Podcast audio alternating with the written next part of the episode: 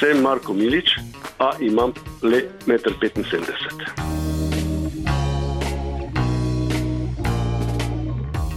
Star sem 74 let, sem upokojenec in uživam. Ne, z Markom se nismo nikoli srečali, nikoli spoznala. Cenim ga zato, ker je bil zelo preprost.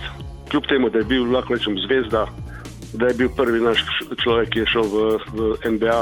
Ko je Marko postal popularen, dejansko je bil idol maštikomu, meni še posebej, mogoče tudi zaradi tega, ker so imenjaka, ne? isti ime in primek. In potem tudi iz tega so prihajale razne, razne anekdote, razne vprašanja in tako naprej. Osebno nisem nikoli sprejemal eh, telefonskih klicev, ker sem zdaj že živim svoj 30 let pri Lekiji, ne več v Ljubljani.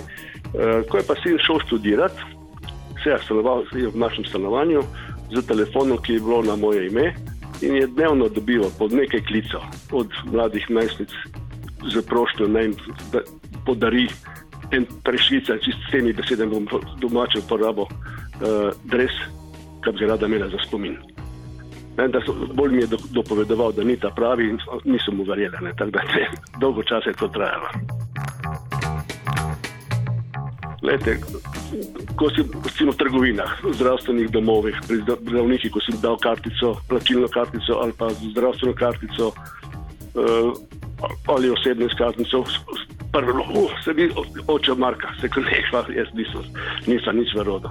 Drugi problem pa se dogaja recimo, z mojo ženo, ki je šla kam z, z mojim dokumentom, ureja kako zadeva ali naroča pri zdravniku. Vsi so planili, ja, se vim, mama od Marka, ne, jaz sem pa žena.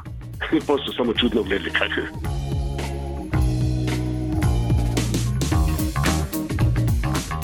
je pa tudi Marko samo ime, bolj gre za to, ker je oče bil partizansko ime, imel Marko. In ko je mama zvedla, da je oče padel, je mi dala tudi njegov, njegovo ime. Kar pa ni bilo res, ne. To znači, čez dve leti se je pa zvedla, da je še živ in zdrav. Ne bi, nima nobene potrebe po spremembi imena.